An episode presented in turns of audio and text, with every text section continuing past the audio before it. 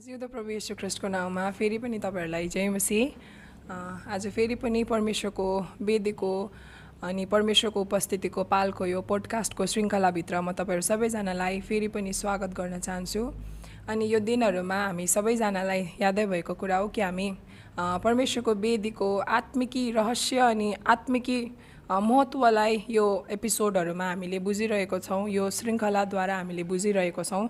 अनि म फेरि पनि तपाईँहरूलाई भन्न चाहन्छु यदि तपाईँहरूले योभन्दा अगाडिको फर्स्ट अनि सेकेन्ड एपिसोडलाई यदि तपाईँहरूले मिस गर्नुभएको छ भने तपाईँहरू सबैजनाले जेने होप अफ थियोस मिनिस्ट्रीको अफिसियल च्यानलमा युट्युब फेसबुक अनि स्पोटिफाई मार्फत पनि तपाईँहरूले सुन्नु सक्नुहुन्छ। यो आशिषलाई यो शिक्षालाई लिनु भइसकेपछि तपाईँहरूले आफ्नो साथीभाइ आफ्नो छिमेकी आफ्नो परिवारमा पनि यो आशिषलाई तपाईँहरूले पुर्याउनु सक्नुहुन्छ है। सो प्रभुलाई महिमा भएको होस् अनि आज हामी परमेश्वरको वेदीको यो शिक्षाभित्र हामी तेस्रो एपिसोडमा छौँ अनि अहिलेसम्म हामीले हामीले के हेर्दैथ्यौँ भन्दाखेरि चाहिँ कि हाम्रो जीवनमा चाहिँ कसरी एउटा आत्मिकी वेदी चाहिँ निर्माण हुनुपर्दो रहेछ भन्ने कुराहरू हामीले बुझिरहेको थियौँ।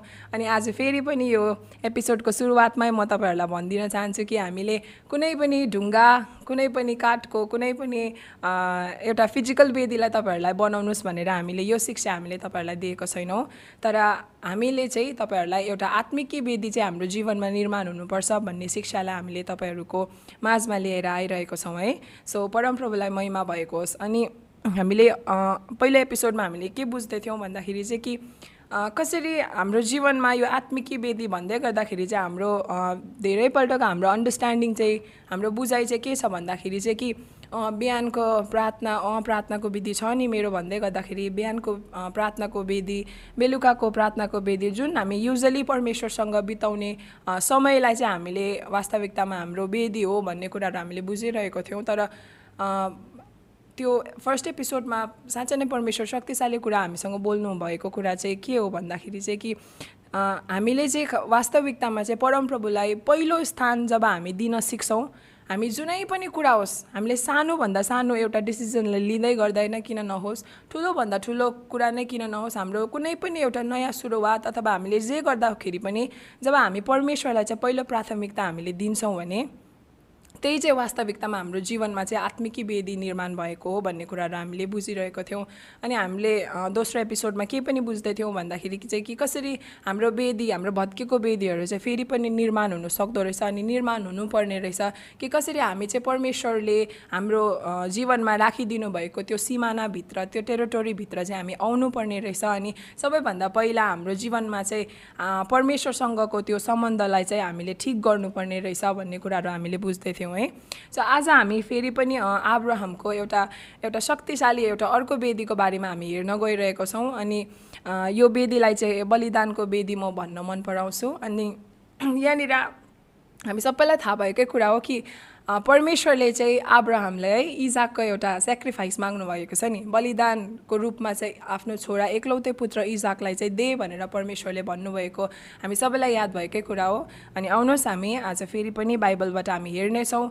यहाँ कसरी आब्राहमले वेदी बनायो अनि यसको आत्मिकी महत्त्वलाई यसको आत्मिकी रहस्यलाई पनि हामी बुझ्नेछौँ। अनि हाम्रो जुन चाहिँ म विश्वास गर्छु है अहिलेसम्म तपाईँ अनि हाम्रो जीवनमा जुन चाहिँ आत्मिकी वेदी निर्माण भइसकेको छ आज यो वेदीमा साँच्चै नै परमप्रभुको अझै पनि गहिरो कुरालाई हामीले बुझ्दै गर्दाखेरि चाहिँ साँच्चै नै जुन वेदी चाहिँ तपाईँ अनि हाम्रो जीवनमा बनिएको छ यो वेदी चाहिँ अझै स्ट्रङ भएर गएको होस्। आमेन हुन्छ परमप्रभुलाई महिमा भएको होस्। हामी उत्पत्ति बाइस अध्यायलाई हामी हेर्नेछौँ अनि हामी पढ्नेछौँ। म बिन्ती गर्छु तपाईँहरू सबैजनाको सबैजनाले बाइबलहरू खोलेर यो अध्यायलाई निकालिदिनुहोस् भनेर।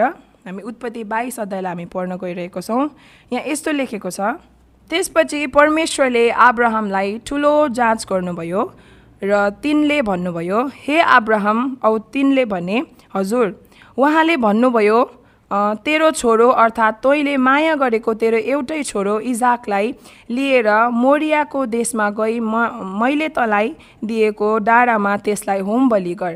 आब्राहमले बिहानै उठेर गदामा काटी कसे र आफ्नो युवकहरूमध्ये दुईजना र छोरा छोरो इजाकलाई साथमा लिए र होम बलिको निम्ति दौरा चिरे औ परमेश्वरले तिनलाई भन्नुभएको त्यस ठाउँमा हिँडे तेस्रो दिन अब्राहमले हेर्दा डाँडामा त्यो डाँडामा त्यो ठाउँ देखे। तब आब्राहमले आफ्नो युवकलाई भने तिमीहरू यहीँ गदासँग बस। म र यो केटा ऊ परसम्म गएर पूजा गरी तिमीहरू कहाँ फर्केर आउनेछौँ? अनि आब्राहमले होम बलिको दौरा उठाएर आफ्नो छोरा इजाकलाई बोके र आगो र छुरी आगो र छोरी आफ्नो हातमा लिए। यसरी ती दुवैजना सँगै सँगै गए। इजाकले आफ्ना पिता आब्राहमलाई भने बुबा औ तिनले भने के हो छोरा? त्यसले त्यसले भन्यो यी आगो र दौरा त छन् तर होमबलीको थुमा चाहिँ खोइ आब्राहमले भने छोरा परमेश्वरले नै होमबलीको निम्ति थुमा जुटाउनुहुनेछ। तब ती दुवै सँगै सँगै गए। परमेश्वरले तिनलाई भन्नुभएको ठाउँमा पुग्नु भएपछि आब्राहमले त्यहाँ एउटा वेदी बनाएर दौरा त्यहाँ लिएर राखे औ आफ्नो छोरो इजाकलाई बाँधेर वेदीमा दौरामाथि राखे। हामीले यहाँनिर फेरि पनि आब्राहमले चाहिँ एउटा वेदी बनाएर आफ्नो छोरालाई सेक्रिफाइस गरेको कुराहरू हामी यहाँनिर भेट्न सक्छौँ है। अनि परमेश्वरले नि यति बेला अब आब्रामको जीवनमा चाहिँ के भइरहेको छ भन्दाखेरि चाहिँ ऊ परमेश्वरको आवाजलाई सुनेर ऊ निस्किसकेको छ। ऊ कनान देशमा परमेश्वरले उसको निम्ति राखिदिनु भएको प्रतिज्ञाको मुलुकमा ऊ पुगेको पनि छ अनि ऊ जिउँदै पनि छ है। उसले परमेश्वरको निम्ति वेदी पनि बनाएको छ उसको सम्बन्ध परमप्रभुसँग राखि पनि सकेको छ अनि घनिष्ठतामा ऊ बढी पनि रहेको छ है। उसको अनि परमेश्वरको सम्बन्ध चाहिँ अलि अझै गहिरोइमा पनि गइरहेको छ। अनि यहाँनिर अब यो ठाउँमा आइपुगेपछि चाहिँ परमेश्वरले के भन्नुभयो भन्दाखेरि चाहिँ आब्राहमले जुन चाहिँ छोरा चाहिँ परमेश्वरको प्रतिज्ञा अनुसारै आब्राहमलाई परमेश्वरले दिनुभएको थियो अब त्यही आब्राहमले माया गर्ने छोरा नै चाहिँ परमेश्वरले अब आब्राहमसँग माग्नु हुँदैछ है।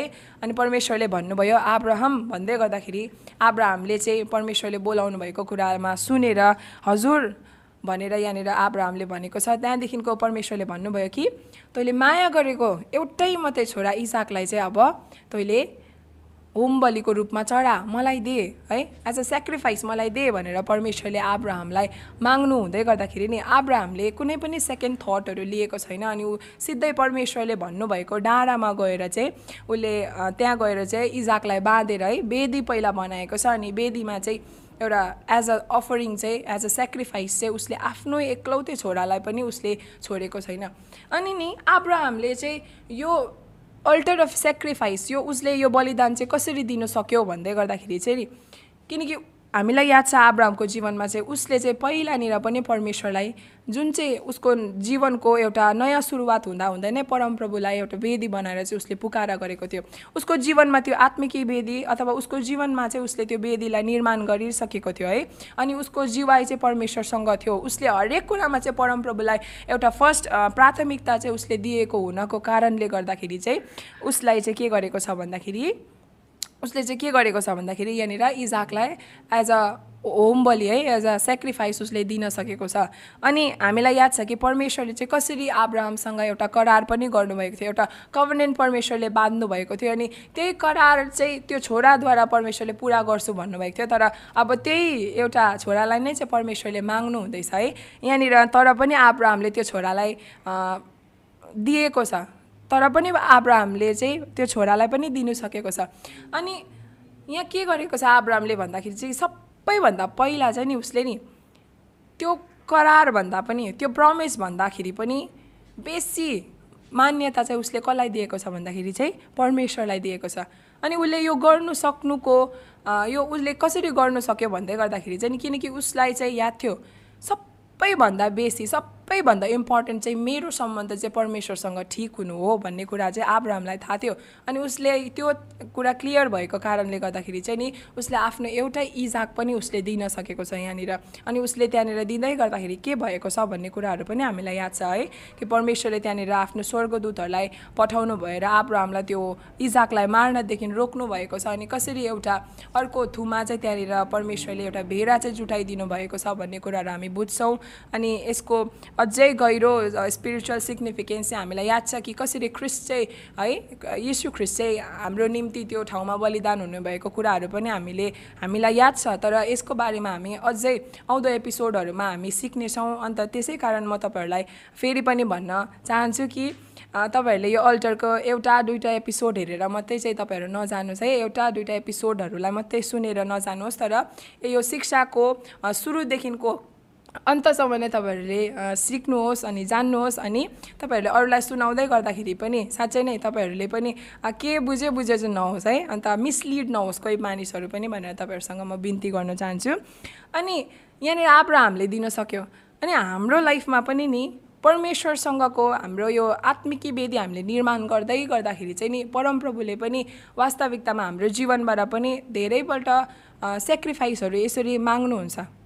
किनकि हामीले अगाडि नै हामीले बुझेको छौँ कि व्यवस्था चाहिँ आत्मिकी हो भनेर हामीले बुझेको छौँ। अनि यो वेदीको बारेमा हामीले बुझ्दै गर्दाखेरि हामी हाम्रो भनाइ हाम्रो बुझाइ के छ भन्दाखेरि चाहिँ कि सकिसक्यो अब है यीशु ख्रिस्टको त्यो बलिदानले चाहिँ अब सबै कुराहरू सकिसक्यो। हो पक्का हो तर यसको हाम्रो फिजिकल हामीले गर्ने रिचुअल चाहिँ पक्का हो? त्योबाट चाहिँ हामीलाई छुटकारा परमेश्वरले दिनुभएको यीशु ख्रिस्टको रगतले यो त्यो छुटकारा चाहिँ लिएको छ। तर यसको आत्मिकी महत्त्व चाहिँ अहिले पनि सकेको छैन। अहिले पनि जिउँदैछ। म्यान सो प्रभुलाई महिमा भएको। सो हाम्रो जीवनमा पनि नि हामी परमप्रभुसँग हिँड्दै गर्दाखेरि चाहिँ जब हामी हामी पहिला हामी स्टेप लिन्छौँ परमप्रभुको हामी पुकार हामी हामी परमप्रभुको आवाजलाई हामी सुन्छौँ परमप्रभुसँगको त्यो प्रार्थनाको वेदीहरू हामी बनाउँछौँ अझै परमेश्वरसँग हामी घनिष्ठतामा पनि जान्छौँ अनि अझै हिँड्दै हिँड्दै हिँड्दै जाँदै गर्दाखेरि चाहिँ नि एउटा यस्तो बेला पनि आउँछ जुन बेलामा चाहिँ परमप्रभुले नै केही कुरा हामीबाट माग्नुहुन्छ। केही कुरा हामीबाट माग्नुहुन्छ अनि त्यति बेला चाहिँ नि आज हाम्रो जीवनमा पनि यो आत्मिकी विधि निर्माण भइसकेपछि चाहिँ त्यति बेला पनि हामीले पनि आब्राहमले जस्तै हामीले पनि दिनु सक्नुपर्ने हुन्छ। अनि परमप्रभुको करारलाई बोकेर हिँड्ने मानिस थियो आब्राहम चाहिँ वास्तविकतामा। उसले ऊ त्यत्तिकै त्यो ठाउँमा आएको थिएन तर परमप्रभुले नै एउटा करार चाहिँ परमेश्वरले आब्राहमसँग बाँध्नु भएको थियो। एउटा प्रमिस है एउटा करार परमेश्वरले आब्राहमसँग गर्नुभएको थियो अनि त्यो करारलाई बोकेर हिँड्दै गर्दाखेरि चाहिँ नि साँच्चै नै उसले त्यो सेक्रिफाइसलाई उसले दिनु पनि सकेको छ। अनि हामीलाई थाहा छ हामी दोस्रो सामेल छ छ अध्यायमा हामी हेर्छौँ भने नि। त्यहाँ जब दाउदले एउटा कभनेन्ट बक्सलाई लिएर ऊ जानु खोजेको छ नि। अनि ऊ अगाडि जाँदै गर्दाखेरि त्यहाँनिर एउटा उज्जा भन्ने मान्छेको परमेश्वरको भय नभएको कारणले गर्दाखेरि त्यो कभनेन्ट बक्स त्यहीँनिर एदोम भनेको ठाउँमा त्यहाँनिर उसको घरमा त्यहाँनिर राखिएको पनि छ अनि त्यो कभनेन्ट बक्स उनीहरूले लैजानु सकेको छैन। तर फेरि पनि दाउद चाहिँ नि त्यो परमेश्वरको कभनेन्ट बक्सलाई परमेश्वरको त्यो करारको सन्दुकलाई लिनको लागि फेरि पनि दाउद फर्केर आएको छ अनि उसले त्यो करारको सन्दुक चाहिँ कुन तरिकाले लगेको छ भन्दाखेरि चाहिँ उसले जब जब छ कदम उसको पुजारीहरू लेबीहरू अगाडि बढ्थे नि त्यहाँनिर चाहिँ दाउदले चाहिँ एउटा एउटा सेक्रिफाइस सातवटा बुल्सहरू है त्यो सबै सेक्रिफाइस चढाउँदै एउटा बलिदानलाई त्यहाँनिर दिँदै चाहिँ त्यो कभनेन्ट बक्सलाई अगाडि लगेको छ। अनि हामी के बुझ्छौँ यहाँबाट भन्दै गर्दाखेरि चाहिँ नि तपाईँ अनि हाम्रो जीवनमा चाहिँ साँच्चै नै परमेश्वर परमेश्वरले एउटा करार राख्नु भएको छ एउटा करार बाँध्नु भएको छ। परमेश्वरको सन्दुकलाई बोकेर हिँड्नु हाम्रो जीवनमा चाहिँ एकदम यो चाहिँ इजी कुरा होइन है। यो चाहिँ विदाउट परमेश्वरको भए बिना चाहिँ हामीले बोकेर हिँड्नु पनि सक्दैनौँ। अनि यो परमेश्वरको सन्दुकलाई बोकेर लाँदै गर्दाखेरि चाहिँ नि हाम्रो जीवनमा पनि हाम हाम्रो बे हाम्रो जीवनमा पनि यो बलिदानको विधि चाहिँ हुनु एकदमै जरुरी छ एकदमै खाँचो छ। जुन कुराले पनि परमेश्वरको अनि तपाईँको सम्बन्धमा एउटा कुनै पनि एउटा हानि गर्ने कुराहरू हुन्छ नि हामीले हामीले त्यो साँडेहरूलाई वास्तविकतामा यो वेदीमा हामीले ल्याउनु पर्ने हुन्छ। त्यो सेक्रिफाइस दिँदै दिँदै कभर्नेन्ट बक्सलाई नै हामीले नि लानुपर्ने हुन्छ बोकेर। परमेश्वरले गर्नुभएको यो करारलाई हामीले हाम्रो जीवनमा पनि बोकेर हामी हिँड्दै गर्दाखेरि नि यो बलिदानहरू हामीले दिनुपर्ने हुन्छ। अनि मलाई हिजो एउटा भाइले भन्नुहुँदै थियो कि हो कि तर मलाई साह्रो निन्द्रा लाग्छ बिहान उठ्नै सक्दिनँ भनेर भन्दै थिएँ। अनि मैले त्यही भन्दै थिएँ अब यो साँडेलाई चाहिँ यो निन्द्राको साँडेलाई चाहिँ परमेश्वरको वेदीमा ल्याऊ। परमेश्वरको वेदीमा देऊ भन्ने कुराहरू मैले गर्दै थिएँ। अन्त साँच्चै नै यो यो आत्मिकी वेदी हाम्रो जीवनमा निर्माण हुनु भनेको नै कि परमेश्वरलाई सबैभन्दा पहिलो प्राथमिकता दिनु हो अनि यदि तपाईँहरू है हाम्रो जीवनमा यदि कुनै निन्द्राले किन नहोस् अल्छेपनकै किन नहोस् साँडेहरू हाम्रो जीवनमा नै हामीले धेरैवटा पालेर राखेको छौँ। अनि बाइबलमा नि साँडे भन्दै गर्दाखेरि चाहिँ नि परमेश्वरको वेदीमा सेक्रिफाइस एज अ सेक्रिफाइस ल्याउनु पर्ने हुन्थ्यो त्यो साँडेलाई चाहिँ। सो आज साँच्चै नै परमेश्वरसँग त हामी जोड्यौँ। यो आत्मिकी वेदी तपाईँहरूले यदि तपाईँहरूले यो पहिलोचोटि सुन्नुहुँदैछ भने पनि फेरि पनि हाम्रो जीवनमा त्यो वेदीहरूलाई हामी बनाऊँ अनि त्यो वेदीमा चाहिँ साँच्चै नै हाम्रो जीवनको के के छ साँडेहरू है हामी प्रार्थना गरौँ अनि पवित्र आत्मासँग हामी सोधौँ कि प्रभु मेरो जीवनको साँडे चाहिँ के छ? यो साँडेलाई चाहिँ म साँच्चै नै तपाईँको वेदीमा आएर चढाउँछु भन्ने हामीले पनि त्यो निर्णय गर्नुपर्छ। किनकि आब्राहमले चाहिँ नि कुनै कुरामा पनि उसले कम्प्रोमाइज गरेन। धेरैपल्ट के हुन्छ भन्दा हाम्रो जीवनमा हामी परमप्रभुसँग अगाडि बढ्दै गर्दाखेरि परमेश्वरले यस्तो इजाकलाई माग्नुहुन्छ हाम्रो जीवनबाट। यस्तो इजाकलाई माग्नुहुन्छ जुन चाहिँ हाम्रो जीवनमा प्रिय हुन्छ जुन चाहिँ हामी हामीलाई मन परेको हुन्छ जुन कुरा चाहिँ मन परेको हुन्छ। तर परमेश्वरले नि त्यो माग्दै गर्दाखेरि पनि हामी चाहिँ नि दिनुको दिनु चाहिँ हामीले सक्नुपर्छ। हामीले दिनु सक्नुपर्छ। यो वेदी ब यो वेदी बनाउँदै गर्दाखेरि नि म तपाईँहरूलाई भनिदिउँ कि यो वेदी बनाएर त्यत्तिकै अँ प्रभुलाई जे गर्दा पनि प्रार्थना गर्छु नि त्यो मात्रै होइन। यो आत्मिकी वेदीले चाहिँ हामीलाई त्यो मात्रै सिकाउँदैन। तर यो आत्मिकी वेदी बनाउँदै गर्दाखेरि चाहिँ हामीले बलिदानलाई ल्याएर परमेश्वरको वेदीमा चढाउनु अर्पण गर्नु पनि सिक्नुपर्छ। हामीन सो प्रभुलाई महिमा भएको आज म तपाईँहरूलाई यही इन्करेज गर्न चाहन्छु अनि यो वेदीका शिक्षामा हामी हुर्किँदै गर्दाखेरि हामी सिकौँ त्यो बलिदानहरूलाई लिएर परमेश्वरको अगाडि दिनु पनि। त्यो बलिदानहरूलाई साँच्चै नै लिउँ त्यो इजाकहरूलाई साँच्चै नै परमेश्वरको अगाडि ल्याउँ है। मान्छेहरू फोर्टी डेज फास्टिङ बस्छ मान्छेहरू आफ्नो आफ्नोमा आफ्नो परिवारलाई छोडेर आउँछ अथवा मान्छेहरू अब के के चाहिँ गर्दैन? किन? किनकि उनीहरूलाई याद छ जस्तो आब्रामलाई थाहा थियो कि कि मेरो परमेश्वरसँगको अनि मेरो सम्बन्ध चाहिँ इम्पोर्टेन्ट हो सबैभन्दा बेसी चाहिँ मेरो छोरा इजाकभन्दा पनि इम्पोर्टेन्ट चाहिँ परमेश्वर चाहिँ मेरो निम्ति चाहिँ के छ? इम्पोर्टेन्ट छ। अनि सब सर्वप्रथम परमेश्वरलाई उसले दिएको कारणले गर्दाखेरि चाहिँ नि उसले उसले बुझेको कारणले गर्दाखेरि चाहिँ आब्राहमले चाहिँ इजाकलाई त्यो वेदीमा बलिदान गर्नका लागि पनि लानु सकेको छ। आज साँच्चै नै है यो प्रश्न चाहिँ म भित्र पनि आउँछ।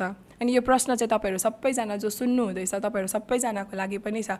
आज तपाईँले वेदी त निर्माण गर्नुभएको छ तर परमेश्वरले के तपाईँहरूलाई त्यो इजाक माग्दै गर्दाखेरि तपाईँहरू दिनु सक्नुहुँदैछ के त? के तपाईँलाई परमेश्वरले तपाईँको त्यो साँडेलाई मेरो वेदीमा ल्याएर आइज भन्दै गर्दाखेरि तपाईँले लिएर आउनु सक्नुहुँदैछ के त? यदि आजसम्म सक्नुभएको थिएन भने पनि अब चाहिँ हामी ल्याउँ साँच्चै नै हाम्रो जीवनमा चाहिँ यो आत्मिकी वेदी निर्माण हुँदै गर्दाखेरि चाहिँ परमेश्वर नै हुनुहुन्छ। पहिलो प्राथमिकता चाहिँ सबै कुरामा हामीले जब परमप्रभुलाई हामी प्राथमिकता दिन्छौँ नि त्यहाँदेखिको चाहिँ यो करारको सन्दुकलाई त्यो जसरी दाउदले लगेको छ नि बोक्दै गएको छ। लेबीहरू अगाडि जति छ छ स्टेप बढेको छ अनि उसले दाउदले चाहिँ त्यहाँनिर होम बलि है? मेल बलि त्यहाँनिर चढाउँदै सेक्रिफाइस चलाउँदै चढाउँदै चढाउँदै गएको छ। ब्युटिफुल्ली उसले यरुजलेममा नि त्यो कभर्नेन्ट बक्सलाई लगेर गएको छ। अनि साँच्चै नै आज हामी पनि यो करारको सन्दुक बोक्ने नै हामी पनि हौँ। तपाईँ अनि म जुन चाहिँ करारको जुन चाहिँ करार चाहिँ परमेश्वरले हाम्रो हृदयभित्र लेखेर राखिदिनु भएको छ त्यो सन्दुक चाहिँ हाम्रो हृदयमा परमेश्वरले राख्नुभएको छ भनेर हिब्रोको किताबले हामीलाई भन्छ हिब्रोको वचनले हामीलाई भन्छ। सो म तपाईँहरूसँग यही बिन्ती गर्न चाहन्छु कि आज साँच्चै नै हामी ल्याउँ त्यो हिजाकहरूलाई। यदि परमप्रभु तपाईँहरूसँग बोल्नुहुन्छ भने आज बेलुकी साँच्चै नै परमप्रभुसँग यो प्रतिज्ञामा हामी हिँडौँ है। सो प्रभुलाई महिमा भएको आउनुहोस् हामी छोटो प्रार्थनालाई गर्नेछौँ। धन्यवाद सर्वशक्तिमान परमप्रभु। तपाईँ चाहिँ साँच्चै नै प्रभु तपाईँ चाहिँ भलो परमेश्वर हुनुहुन्छ। तपाईँ चाहिँ योग्यको हुनुहुन्छ प्रभु। अनि तपाईँ जस्तो चाहिँ अरू कोही पनि छैन। तपाईँ जस्तो महानहरू कोही पनि छैन परमेश्वर। अनि जसै यो वेदीको शिक्षाभित्र हामी छौँ प्रभु हामी सिक्दैछौँ। हाम्रो आत्मिकी वेदी भन्नेको चाहिँ के हो भन्ने कुराहरू पनि हामी सिक्दैछौँ। अनि साँच्चै नै प्रभु आज शक्तिशाली कुरा तपाईँ परमेश्वर हामीसँग बोल्नुभएको छ। तपाईँ परमेश्वरको वेदी बनाउँदै गर्दाखेरि चाहिँ प्रभु हामी हामीमा पनि प्रभु त्यो इजाकलाई लगेर जाने आँट चाहिँ हामीमा पनि हुनुपर्छ प्रभु। हामी पनि सक्नुपर्छ प्रभु त्यो इजाकलाई चाहिँ त्यो वेदीमा बलिदान गर्नको निम्ति। अनि मेरो प्रार्थना यही छ मेरो परमेश्वर। आज तपाईँ परमेश्वरले हाम्रो जीवनमा भएको त्यो प्रेसियस कुरालाई माग्नु हुँदै गर्दाखेरि पनि प्रभु हामी एकपल्ट पनि नसोचिकन जसरी आब्राहमले गरेको छ त्यसरी नै हामी पनि गर्न सकौँ मेरो परमेश्वर। अनि यदि हाम्रो जीवनमा कुनै पनि साँडेहरूले प्रभु हामीलाई तपाईँ परमेश्वरको ओ प्रभु तपाईँ परमेश्वरसँगको त्यो घनिष्ठता कुरामा आउनदेखि रोक्दैछ भने प्रभु आज यो समय पवित्र हामी तपाईँ परमेश्वरको वेदीमा हामी ल्याउँछौँ त्यो साँडेलाई प्रभु। हाम्रो अल्छेपनको साँडेहरूलाई हाम्रो इच्छाको साँडेहरूलाई प्रभु। जुन साँडेले पनि प्रभु तपाईँ परमेश्वरसँगको त्यो घनिष्ठतामा जानदेखि हामीलाई रोक्दछ प्रभु। आज यो समय पवित्र आत्मा त्यो साँडेहरू चाहिँ जलेको होस् नाश्वती सुख्रिस्टको नाउँमा पवित्र आत्माको आगोले जलेको होस् हरेकको जीवनमा प्रभु जलेको होस् त्यो साँडे चाहिँ जलेको होस् प्रभु। यो वेदीमा चाहिँ आज हामी अर्पण गर्छौँ। वर्षौँ प्रभु तपाईँ परमेश्वरलाई जलेको होस् भनी म प्रार्थना चढाउँछु। धन्यवाद परम प्रभु। अब आउँदो दिनहरूमा पनि प्रभु आउँदो एपिसोडहरूमा पनि यो शिक्षाद्वारा तपाईँ परमेश्वर हामीसँग बोल्नु होस् भनी म प्रार्थना चढाउँछु। यो शिक्षालाई प्रभु यो वचनलाई हामी आदर गर्छौँ। साँच्चै नै हामी एक्नोलेज गर्छौँ तपाईँ परमेश्वर। प्रभु यो पुस्तामा साँच्चै नै तपाईँ परमेश्वरको हृदयलाई तपाईँले खोल्नु हुँदैछ प्रभु। धन्यवाद। आउँदो दिनमा पनि प्रभु हामी तपाईँ परमेश्वरको हृदयलाई हामी जान्न सकौँ। महिमा तपाईँलाई भएको होस् प्रभु। आज दाउदले जसरी करारको सन्दुकलाई बोकेर हिँडेको छ प्रभु। आज तपाईँ परमेश्वरले हामीसँग गर्नुभएको प्रतिज्ञामा हामी पनि यसरी नै फेथफुलनेसको साथमा प्रभु। आज हरेक साँडेहरूलाई प्रभु तपाईँ परमेश्वरको अगाडि बलिदान गर्दै प्रभु त्यो सेक्रिफाइस चढाउँदै प्रभु हामी पनि तपाईँ परमेश्वरको यो करारको सन्दुकलाई बोकेर हिँड्न सकौँ। धन्यवाद सबै कुराको लागि। उब्रान्त सबै तपाईँको हातमा समर्पण गर्दै आशिष माग्छु। जिउँदो यशु ख्रिस्टको उच्च अनि पवित्र नाउँमा। आमेन। सबैजनालाई जय मसी